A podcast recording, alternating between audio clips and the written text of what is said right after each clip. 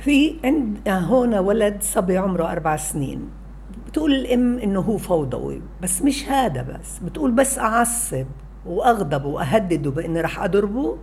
بصير يقلد لها شخصيات بشوفهن في طبعا بالوسائل التواصل الاجتماعي اللي فيها بجرب يقهرها بجرب بتقول يا حقرصني ويضحك ويقول له اضربيني اضربيني ويقرب علي.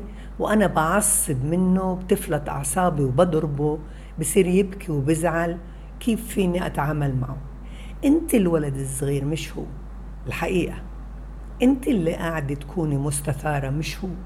أنت بإيدك الوسائل التربوية. أنت دورك تدريب. ليش تستفزي؟ ليش تتعصبني؟ ليش تقولي بحقرصني وبضحك؟ اضحكي معه. انبسطي معه. بعدين وفري له بيئة مثيرة. ما ما تبقي على إنك أنت بس خلص بكفي كم مرة حكينا نبهنا.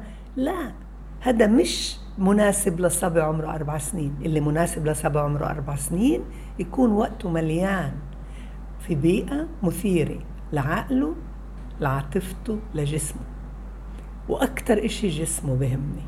يعني يطلع يلعب برا ينط يتمرجح يعمل أنشطة حركية اللي بتخليه ساعة ورا ساعة بنفس عنه ضغوطه.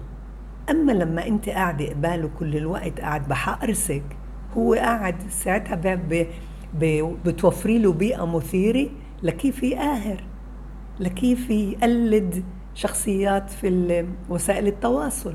قاعدة بتدربيه على سلوك غير مستحب وانت مش منتبهة امدحيه كتير.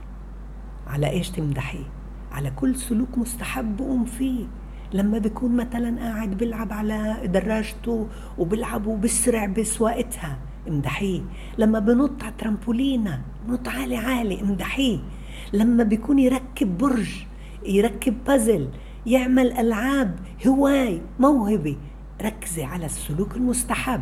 لأنه كل سلوك بحقق له رغبة بصير يكرره. أنت قاعدة بتحققي له رغبة بإنك بتعصبني بحقرسك وهو عم بكرره. يوم ورا يوم 21 يوم اثبتي داومي على هذا السلوك وشوفي شو بصير معه.